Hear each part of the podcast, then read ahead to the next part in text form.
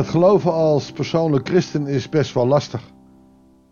Maar dan ook nog weer eens het leven in een gemeente. Ook dat is lastig. En dat is niet van deze tijd. Dat is van alle tijden. Dat zien we zelfs bij Paulus. Zeker ook als hij via Timotheus de gemeentes wil bemoedigen. Het is niet vanzelfsprekend. Want zelfs in de tijd van Paulus, oftewel in de tijd van de Bijbel, vond iedereen wat. De laatste tijd preek ik er nogal eens over. Iedereen vindt wat. Iedereen moet ook wat vinden en wil dat wat hij vindt ook nog weer zeggen. En daar gaat het mis.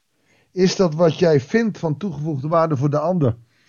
Of moet jij ze nodig wat vinden en dat nog weer eens je gelijk hebben? Dat in onze ik-gerichte maatschappij is dat heel vaak wel het geval. Niet voor niets dat Paulus in zijn brief ook zegt: jongens, hou je nou aan de strikte leer. Hou je nou aan wat ik je geleerd heb. Ga nou niet zelf zitten kissenbissen over allerlei onderdelen. Dat is makkelijker gezegd dan gedaan als je inmiddels in 2023 zit.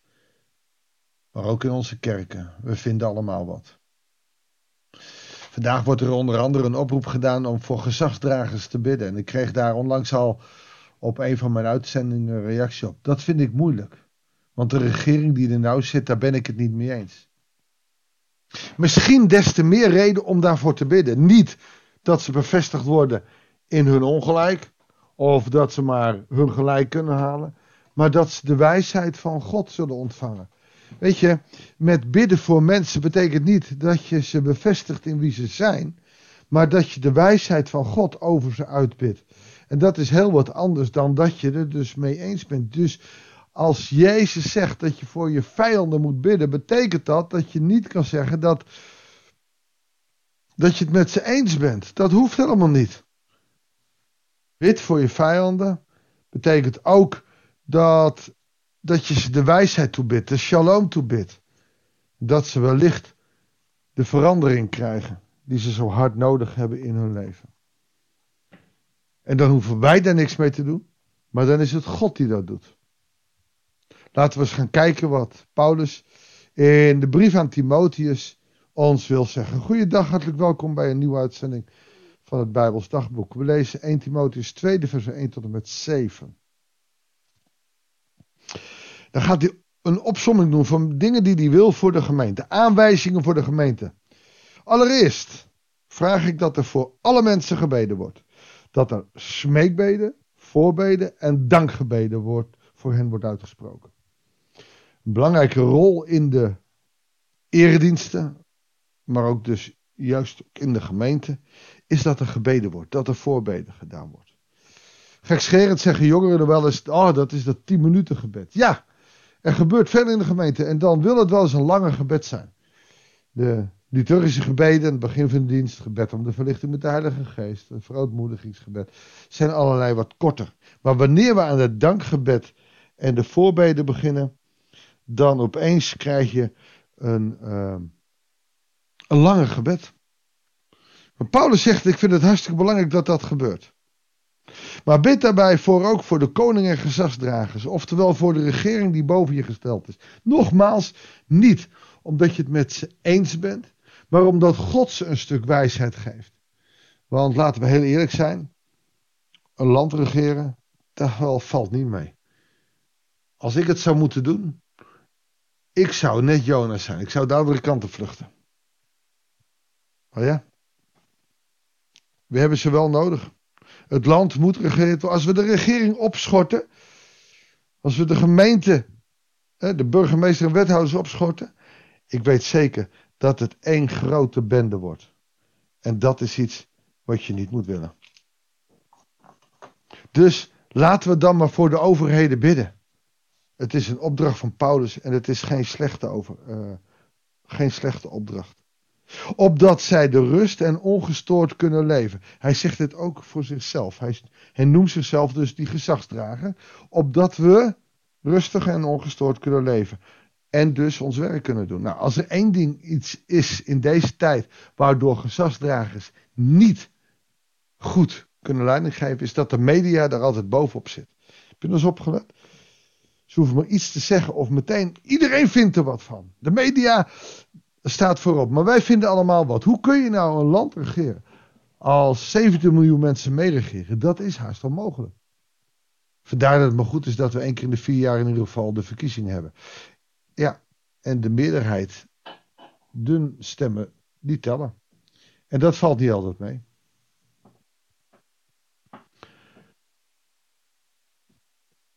Vers 3. Dat is goed en welgevallig in de ogen van God als we dat doen.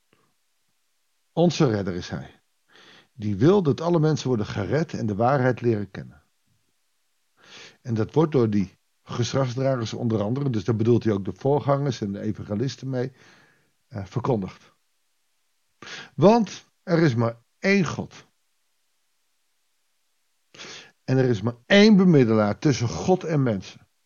De mens Jezus Christus. Die zichzelf gegeven heeft als losgeld voor allen. Niet voor een enkeling. Nou, hier dit, nou denk ik toch even aan, aan een gereformeerde gemeente die zeggen: het moet je maar, uh, het moet je maar toegevallen. Nee, Jezus heeft zich gegeven als losgeld voor allen. Als het getuigenis voor de vastgestelde tijd. De vraag nu speelt dan op: wat is dan die vastgestelde tijd? Nou, theologen hebben zich daar aardig over gebogen. Um, dat is het getuigenis van Jezus zelf door zijn leven en door zijn offer gegeven. Dus dat hij zichzelf gegeven heeft als losgeld voor allen. Is getuigenis voor die vastgestelde. In die tijd heeft hij het gedaan voor allen. Om dit te verkondigen ben ik apostel geworden. Nee, ben ik aangesteld als apostel. Hij is nogal op een gruwelijk vrede manier natuurlijk eh, apostel geworden. Ik spreek de waarheid, ik lieg niet. Oftewel, ik spreek Jezus. Ik lieg niet. Ik ben aangesteld als leraar voor de heidenen om hun het geloof in de waarheid te onderwijzen. De waarheid is het woord uit de Bijbel. De waarheid is Jezus Christus. En we zullen uh, ook de Bijbelse boodschap als waarheid moeten filteren door de waarheid van Jezus. Het is niet zo dat jij zomaar even kan zeggen, nou dit en dat. Nee, je zult daar een studie van moeten maken. Want de Bijbel laat zich lang niet altijd op één manier uitleggen. En ik denk dat het goed is dat we leren dat de Bijbel een geheel is. Dat die 66 boeken en die 100 schrijvers niet zomaar wat lallen, maar dat iedereen wel een waarheid heeft. En dat er niet één waarheid is, maar dat we moeten filteren. Wat is de werkelijke waarheid? Wat is de boodschap die God ons wil geven door de Bijbel heen? En dat betekent dat je niet zomaar op basis van één vers kan zeggen, nou, er staat hier en God vindt dat. De waarheid is breder dan alleen maar dat ene woord, dan een ene zinnetje, dan die ene Bijbeltekst. De waarheid is veel dieper en die wordt ons ook door de geest gegeven. Dat betekent ook dat naast de Bijbel het legt, je moet leven vanuit de geest. En zelfs dan moet je uitkijken dat als je zegt, nou de geest heeft mij verteld, dat dat niet je eigen wil is. Want je eigen wil ligt heel dicht tegen wat je eigen geest wil aan. Ik mag voorganger zijn. Maar dat betekent niet dat ik daarmee alleen maar op een bijzondere plek sta. Ook jij bent apostel van de Heere God. Je hebt een poos lang al geluisterd. Is het niet naar de podcast dan wel je opvoeding of de kerk waar je bij hoort? De discipelschap ben je al voorbij. Je bent nu apostel. Vertel het. Getuig. Want jouw verhaal doet het toe en door jouw verhaal zullen mensen tot bekering komen. Hou je mond niet. Laat je leiden door de geest. Want ook jij bent aangesteld als leraar voor de heidenen. Of voor de mensen om je heen. Om hun het geloof en de waarheid, namelijk Jezus Christus, te onderwijzen. Mag ik voor je bidden? Heer, ik bid u de luisteraars vrijmoedigheid toe. Dat ze mogen weten dat u door ze spreekt. Heer, leer ons zo dat wij ons mogen laten gebruiken in het koninkrijk hier op aarde. Dat wij uw apostelen zijn. Niet zomaar een leerling, maar apostel dat we mogen staan in de daadkracht van de verloste Jezus Christus. Heer, in die autoriteit mogen we staan. Wilt u ons in die autoriteit blijven zetten? En wilt u ons door de kracht van uw geest ook daarop laten richten, zodat we onszelf ook accepteren zoals u ons wil hebben. Heer, ga zo met ons mee. Zegen ons deze dag, deze nieuwe week. Dat bidden we u in Jezus' naam. Amen. Dankjewel voor het luisteren. Ik wens je God zegen en heel graag tot de volgende uitzending van het Bijbels Dagboek.